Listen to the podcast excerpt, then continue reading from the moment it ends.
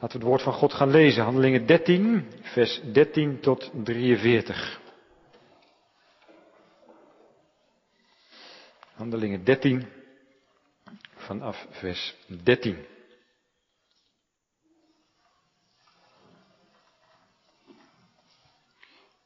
Daar lezen we het heilige woord van God als volgt. En Paulus en zij die bij hem waren voeren van Paphos weg en kwamen in Perge aan, een stad in Pamphylië, maar Johannes verliet hen en keerde terug naar Jeruzalem. Ze gingen vanuit Perge het land door en kwamen in Antiochië en Pisidië. En ze gingen op de dag van de Sabbat de synagoge binnen en gingen daar zitten. En na het voorlezen van de wet en van de profeten lieten de hoofden van de synagoge tegen hen zeggen, mannen, broeders, als er bij u een woord van bemoediging voor het volk is, spreek dan. Toen stond Paulus op, wenkte met de hand en zei, Israëlitische mannen en u die God vreest, luister.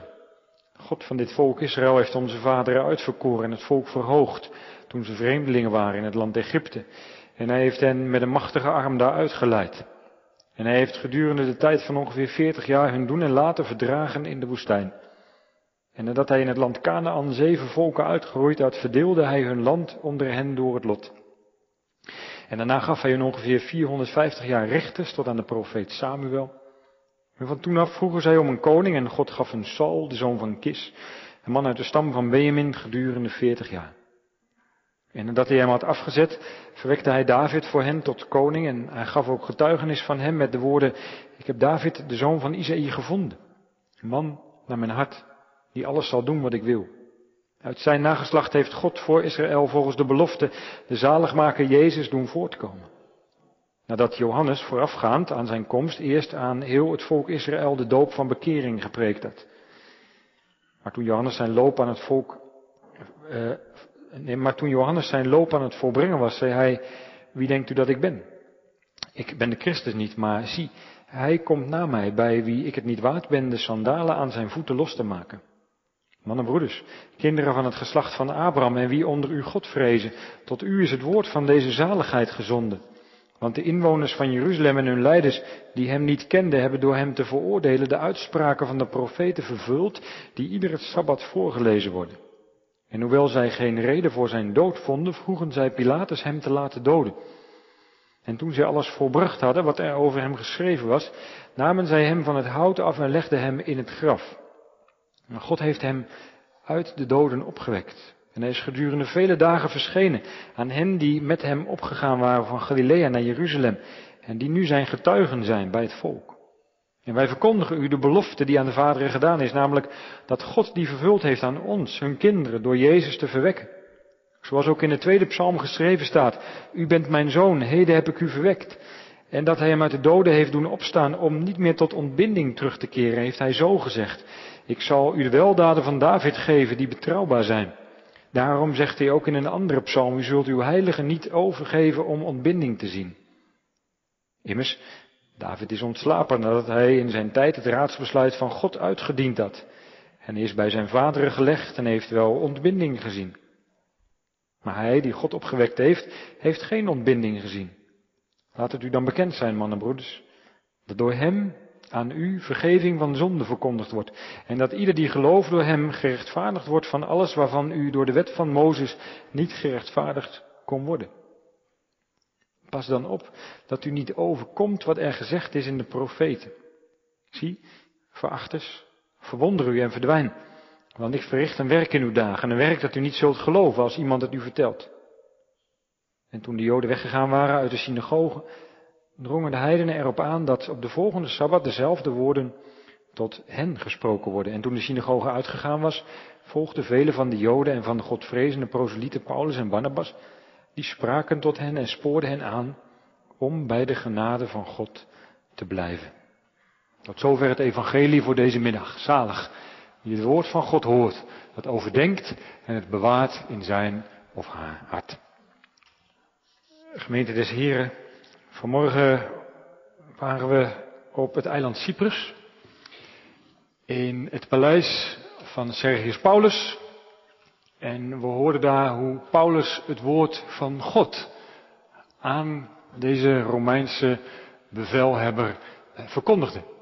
hoe dat woord van God werd dwarsgezeten door Bar Jezus of Elimas, de tovenaar. Maar dat de Heilige Geest die weerstand overwon en het woord van God bij Sergius Paulus binnenkwam. Deze heiden tot geloof in de Heer Jezus kwam, omdat hij zelf de Heer Jezus had leren kennen. Vanmiddag lezen we verder. We lezen in vers 13 dat Paulus en zij die bij hem waren eh, van Cyprus weggaan. Dus ze varen van Paphos weg en komen in Perge, een stad in Pamphylië. Dus dan gaan ze eigenlijk naar het noorden en dan komen ze in wat tegenwoordig Turkije is, wat toen Klein-Azië heette. En vanuit Perge gaan ze het land door en komen in Antiochië in Pisidië. Dat is wel even goed om te bedenken, want ze komen natuurlijk ook uit Antiochië. Hè? In hoofdstuk 1 waren we in de kerk van Antiochië ehm, en werden Saulus en zijn metgezellen uitgezonden. Maar dat is Antiochië in Syrië. En nu zijn we in Antiochië in Pisidië. Dat is eh, in de buurt van het heilige, huidige Antalya in eh, Turkije. Nou, um, dan zijn we niet meer bij de heidenen, maar lezen we wat Lucas steeds vertelt over Paulus, dat hij als hij een stad binnenkomt, eerst op zoek gaat naar de synagoge. En Lucas geeft ons een inkijkje van hoe dat er in die synagoge aan toe gaat. Dat is wel heel bijzonder, want eigenlijk weten we helemaal niet zoveel van die synagoges in de tijd van eh, Paulus. Maar we lezen hier dus in vers 15, um, nadat Paulus en de zijnen zijn gaan zitten in de synagoge, dat de wet wordt voorgelezen. Dus de eerste vijf boeken van Mozes worden een stukje uitgelezen. En de profeten. En dat er een aantal leiders zijn in die synagogen, de hoofden van de synagogen, die zien dat er um, vreemdelingen zijn, gasten. En uh, zij zeggen tegen uh, Paulus en Barnabas, mannen broeders, als er bij u een woord is van bemoediging voor het volk, spreek dan. En dan staat Paulus op en wenkt met de hand en gaat spreken. Of die nou ook nog een gedeelte uit de Bijbel heeft gelezen, of dat hij aansluit bij wat er gelezen is, dat is allemaal niet zo helder. Maar dan krijgen we dus van vers 17 tot en met um, vers uh, eh, 41 opnieuw een preek. Um, dat vindt Lucas dus belangrijk. Die preken. Preek van Petrus op de eerste Pinksterdag. Preek van Stefanus voor Sanhedrin.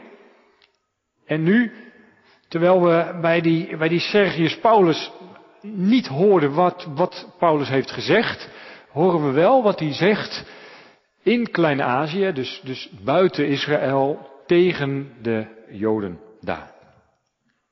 En het is wel goed om te letten op wat Paulus nou precies zegt. Want als je het leest, en eh, we hebben het net gelezen, dan hoor je denk ik een beetje hetzelfde als bij die andere preken, namelijk dat Paulus net zoals Petrus en Stefanus de hele geschiedenis van Israël erbij sleept. Maar toch kun je dit niet zomaar laten zitten. Dat je denkt, oh ja, nou ja, Lucas die wil het nog een keer doen. Maar nee, een paar dingen zijn anders. Let even op vers 16, het laatste stukje. Israëlitische mannen en u die God vreest.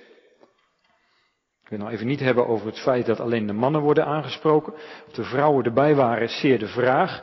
Ehm, in de modernere synagogen zitten ze maar boven en de mannen zitten beneden en worden aangesproken. De vrouwen kijken toe. Maar goed, dat weten we niet. Er staat Israëlitische mannen en u die God vreest. Ehm, de Joden in Israël waren niet zo heel missionair. Die waren redelijk strikt in wie erbij mocht. Eigenlijk alleen degene die uit Joodse ouders waren geboren. Maar in het buitenland, je moet bedenken dat er vijf tot zes miljoen Joden buiten Israël wonen. Dus, even tussen twee haakjes hoor, maar vanaf de Babylonische ballingschap tot op de dag van vandaag wonen er meer Joden buiten Israël dan in Israël. Ja, dat was toen dus ook zo. Vijf tot zes miljoen Joden buiten Israël. Um, en, en de Joden buiten Israël die zijn iets opener dan, dan de Joden in Israël zelf. Um, was een fascinerende religie. De enige religie zonder, zonder godenbeelden en zonder tempels. Alleen een gebouw waar die mensen samenkwamen en dan luisterden naar, naar die wet en die profeten. Dus er waren ook mensen uit de heidenen die, die meededen. En Paulus spreekt hen wel bewust aan. Dus de blik van Paulus gaat niet alleen maar naar de Israëlieten, Israëlitische mannen, maar ook naar hen die God vrezen. Dus die blik van Paulus die is vanaf het begin, ook als hij in de synagoge spreekt, breder gericht. Hij spreekt de um, Joden uit de heidenen, of de, de, de, de meelevende heidenen ook aan. En wat vertelt hij? Vers 17. De God van dit volk Israël heeft onze vaderen uitverkoren en het volk verhoogd toen ze vreemdelingen waren in het land Egypte en hij heeft hen met een machtige arm daaruit geleid. Mozes, of Mozes, Saulus vertelt aan de synagoge wie God is. God is de God die bevrijdt. Zo is de geschiedenis van Israël begonnen. God heeft onze vaderen uitgekozen en het volk verhoogd toen ze vreemdelingen waren in het land Egypte. Honderden jaren lang was het volk verdrukt, waren ze slaven, maar God zegent hen. Hij verhoogt hen. Het is natuurlijk een bijzonder woord als jij um, Jood bent in een synagoge in het buitenland. Je bent niet in Israël, niet in Jeruzalem, niet bij de tempel. Jij bent, um, soms zijn die, die Joodse groepen in die steden vrij groot, maar je bent altijd een minderheid. Je bent altijd in de verstrooiing. En Paulus zegt, beste mannen, welke God hebben wij? Een God die zorgt voor zijn volk op het moment dat het vreemdeling is in Egypte. Dat is natuurlijk een enorme bemoediging. Als je een kleine minderheid bent in een grote stad, zoals wij een kleine minderheid zijn in een grote stad. En het evangelie klinkt, onze God is niet de God van de groten, van de machthebbers, maar de God die een klein volk opzoekt in Egypte. Zo is God en zo doet God. Hij gaat daar maar mee door. Hij heeft ze niet alleen verhoogd in Egypte, hij heeft hen met een machtige arm daaruit geleid.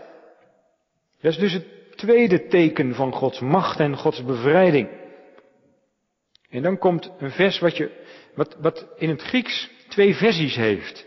Hij heeft gedurende de tijd van ongeveer 40 jaar hun doen en laten verdragen in de woestijn. Dat is redelijk negatief. En zo wordt het ons in het boek Exodus ook getekend. Die woestijnreis was niet simpel. Israël was dat niet gewend. Israël kon ook niet vechten. En er gebeuren steeds allerlei dingen waardoor er allerlei conflicten ook met God komen. En God blijft bij hem. Ik ben die ik ben. God bewijst dat hij de bevrijder is. God verdraagt hem. Teken van zijn redding. Dat hij ondanks de weerstand van het volk voor hem blijft zorgen. Een hele hoop andere handschriften van het Nieuwe Testament. En we hebben niet het boek Handelingen door Lucas. Überhaupt weten we niet, want er staat nergens dat Lucas het geschreven heeft. Um, maar we hebben niet het boek zoals het door de eerste schrijver is geschreven. Dus we hebben ook heel veel handschriften die hebben, 40 jaar lang heeft hij voor brood gezorgd. Dat is natuurlijk wel mooi. Juist in verband met het avondmaal. In die woestijn waar je niks kunt laten groeien. En dus afhankelijk bent van het water wat je tegenkomt. En van het brood dat uit de hemel valt. Geeft God brood. Dat is verlossing. Dat God bij je blijft op een weg die doodloopt. En in het land Canaan roeit hij zeven volken uit. Hij geeft hen het land, ze mogen in vrijheid wonen. Hij geeft hen de richters, nou dan zijn we bij vers 20. En, en hij geeft ze een koning, eerst Saul. Maar dan vindt hij David. En dat is een man naar zijn hart. En dan krijgt het volk David. En David, dat, die doet wat God wil. David die leidt het volk zoals God het wil. En dat betekent dat de vijanden worden overwonnen, dat er vrede komt, dat er veiligheid komt, dat er voorspoed komt. Opnieuw, God is degene die verlost en bevrijdt. En dat is dus het mantra, om het maar even zo te zeggen, wat, wat Saulus op de hoorders afvuurt. God verlost. En als je dat hoort, ga je op een gegeven moment naar je eigen situatie kijken en denken, dat is dus ook vandaag God. God verlost ook nu. Dat is de verwachting die Paulus aan het wekken is. En daar gaat hij dan een antwoord op geven. Want vers 23, uit het nageslacht van David heeft God voor Israël volgens de belofte de zaligmaker, de redder, de verlosser, Jezus doen laten voortkomen. Dus wij leven in de tijd waar Gods grote verlossing heeft plaatsgevonden. En dan komt er een soort intermezzo. Johannes de Doper die heeft dat aangekondigd. En dan vers 26, de conclusie. Mannenbroeders, kinderen van het geslacht van Abraham. dus kinderen van het geslacht van, van, van de God van Abraham. En wie onder u God vrezen, die worden er ook weer bij ingesloten. Tot u is het woord van deze zaligheid gezonden. Hier ben ik. En God stuurt naar jullie het woord van de zaligheid, van de redding, van de verlossing. Mannen in de synagoge in Antiochië, grote stad, waar jullie een kleine minderheid zijn. God van hemel en aarde, die de eeuwen door verlost. Ik kom verkondigen dat Hij zijn grote verlossing heeft gezonden. Het woord van de zaligheid komt bij jullie. Want de inwoners, vers 27 van Jeruzalem en hun leiders die hem niet kenden, hebben door hem te veroordelen de uitspraken van de profeten vervuld die iedere sabbat voorgelezen worden. En hoewel ze geen reden voor zijn dood vonden, vroegen zij Pilatus hem te laten doden. En toen zij alles volbracht hadden wat er over hem geschreven was, namen zij van hem, hem van het hout af en legden hem in het graf. Dit is wel een bijzonder stukje, want dit is natuurlijk ook anders dan Petrus en Stefanus. Want wat doen Petrus en Stefanus als ze op dit moment aangekomen zijn, dus bij de dood van de Heer Jezus, dan gaan ze wijzen. En dan zeggen ze, die jullie hebben gekruisigd. Paulus doet dat niet. En Paulus zegt, jullie hebben, jullie hebben hem niet gekruisigd, want jullie waren hier en niet in Jeruzalem. Onze volksgenoten in Jeruzalem hebben hem gekruisigd. Moet je wel even opletten hoor. Want met Pinksteren doen we vrij makkelijk de lijn doortrekken. Hè? Als Petrus dan zegt, die jullie hebben gekruisigd, dan zeggen wij dominees vrij makkelijk, gemeente, met uw zonde hebt u Jezus gekruisigd. En dat is ook zo. Maar Paulus maakt wel onderscheid. En zegt, jullie waren er niet bij. Dus ik ga nu niet zeggen dat jullie hem gekruisigd hebben. Ik zeg iets anders. Onze volksgenoten die de Heer Jezus hebben gekruisigd, hebben daarmee precies gedaan wat Jezus over de Verlosser had gezegd. Hoe dan? Wat had God dan over die Verlosser gezegd? We werd vanmorgen gelezen. Jezaja 53. Die man van smart, die zou worden geslagen. En door zijn striemen zou er voor ons genezing zijn. Hij nam onze ziekte op zich. Er komt verlossing door iemand die door zijn eigen volksgenoten wordt gedood. Verlossing door de man van smarten. Het volk Israël heeft Gods belofte van verlossing vervuld door Jezus te doden. De, de boosheid van ons mensen kwam naar buiten in het verbondsvolk Israël. God leefde met Israël en vroeg aan het volk om hem te dienen. Maar toen zij geconfronteerd werden met God op aarde, hebben zij hem aan het kruis gehangen. En, en daar komt uiteindelijk alle boosheid.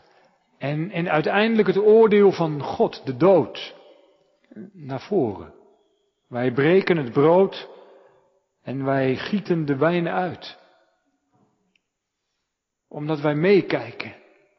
En daar zien dat Gods belofte wordt vervuld. Dat het onrecht op deze aarde een hoogtepunt vindt. In de dood van een onschuldige. Zie je nou, zegt Paulus, wij leven in de tijd van de verlosser. Ja, dat is mooi dat je het weet, maar Paulus vertelt net dat hij is vermoord. Wat heb je dan aan een verlosser?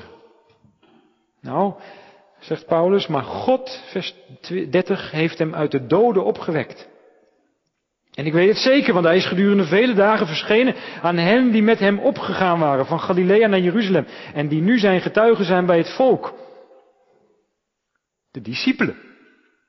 Ook weer apart. Paulus noemt zichzelf niet. Hij had tien jaar terug die hele bijzondere ervaring onderweg naar Damascus gehad. In zijn brieven komt hij dus nu al terug. Maar hier zegt hij nee, ik heb bewijs dat Jezus is opgestaan. Niet ik, maar die discipelen hebben hem gezien. Vers 32. Wij verkondigen u de belofte die aan de vaderen is gedaan. Namelijk dat God die vervuld heeft aan ons, hun kinderen, door Jezus te verwekken. En wat betekent dan die opstanding van Jezus uit de dood? Nou, er was dus die, die man van smarten, die was gedood door, door het volk van God. Dus, dus het onrecht en de straf van God, de dood, die waren naar voren gekomen. Maar die straf van God, die dood blijkt niet het laatste woord te hebben. Vers 34. Dat hij hem uit de doden heeft doen opstaan om niet meer tot ontbinding terug te keren, heeft hij zo gezegd. Ik zal u de weldaden van David geven die betrouwbaar zijn. Daarom zegt hij ook in een andere psalm, u zult uw heilige niet overgeven om ontbinding te zien. Immers, David is ontslapen nadat hij in zijn tijd het raadsbesluit van God uitgediend had. En hij is bij zijn vaderen gelegd en hij heeft wel ontbinding gezien. Maar hij die God heeft opgewekt, heeft geen ontbinding gezien. Dus, dus het was ermee begonnen dat, dat Saulus, Paulus, verkondigt, de God van Israël is de God van de verlossing. Het was erop uitgelopen dat God de verlosser had gezonden en dat hij was gedood door het Joodse volk. Maar dat is niet het laatste. God wekt hem op uit de dood en de verlossing is dus dat God zegt, deze mens is rechtvaardig en de dood mag daarom niet het laatste woord hebben. En daarom de conclusie. Laat het u dan bekend zijn, mannenbroeders, dat door hem aan u vergeving van zonden verkondigd wordt. Waarom schakelt Paulus nou ineens over van de ontbinding niet gezien naar vergeving? Nou, dat is redelijk logisch. De dood was de straf op de zonde. En wat is dus die verlossing waar, waar Paulus van verkondigt? Dat is dat Jezus leeft. En dat er dus een mens is die rechtvaardig is voor God. En dat wij ons mogen vasthouden aan die mens, Jezus Christus, die is opgestaan uit de dood. Want, want de straf op de zonde mocht voor hem niet gelden. Mijn zoon, sta op. Want jij bent rechtvaardig. En je bent onrechtvaardig gestorven. Er is een rechtvaardig mens. Een mens die voor God kan leven. Een mens die met God kan leven. En hij geeft ons de hand. En neemt ons mee uit de dood van onze zonde en schuld. Laat het u dan bekend zijn, mannen en broeders, dat door hem aan u vergeving van zonden verkondigd wordt. God, die al aan het begin van Israëls geschiedenis heeft laten zien, ik ben de verlosser heeft in Jezus zijn diepste woord gesproken, zijn hart laten spreken. Door Jezus op te wekken uit de dood klinkt over heel de wereld het evangelie. Zonde kan en mag en hoeft niet meer tussen God en mensen in te staan. Jezus is een rechtvaardige die voor God en met God mag leven. En dat verkondigt Paulus aan de wereld, aan de synagoge. Dat zijn twee dingen. Want ik kan me voorstellen dat als je heftige dingen meemaakt in je leven, dat je vastloopt in je studie, dat, je, dat het niet goed gaat in je huwelijk, dat je ziek bent, dat je in je geloof vastloopt, omdat je überhaupt niet meer bij God kunt. Of, of niet weet of je zonden vergeven zijn. Dat je, dat je dan denkt, ja, het is wel mooi wat Saulus zegt. Oh, God is een verlosser. Maar ik merk er in mijn leven niet zoveel van. Waar is God? En hoe verlost Hij mij dan? Ja, daar geeft Paulus geen antwoord op. Paulus zegt, hallo, je leeft in de tijd van de verlossing. De tijd van de grote genade van God is begonnen toen Jezus de ban van de dood heeft gebroken. Toen werd in deze wereld duidelijk dat te midden van de on, het onrecht en te midden van de dood het onrecht niet het laatste woord heeft. En de dood niet het laatste woord heeft. En dat is de tijd waarin je leeft. God is niet een God die jou boven de narigheid uitdeelt. Maar God is een God die jou in een andere wereld laat leven. Een wereld waar gerechtigheid heerst. Een wereld waar liefde het laatste woord heeft. Wij leven, gemeente, in een verloste wereld. Midden in de dood. Midden in de zonde. Midden in de ziekte. Midden in de aanvechting.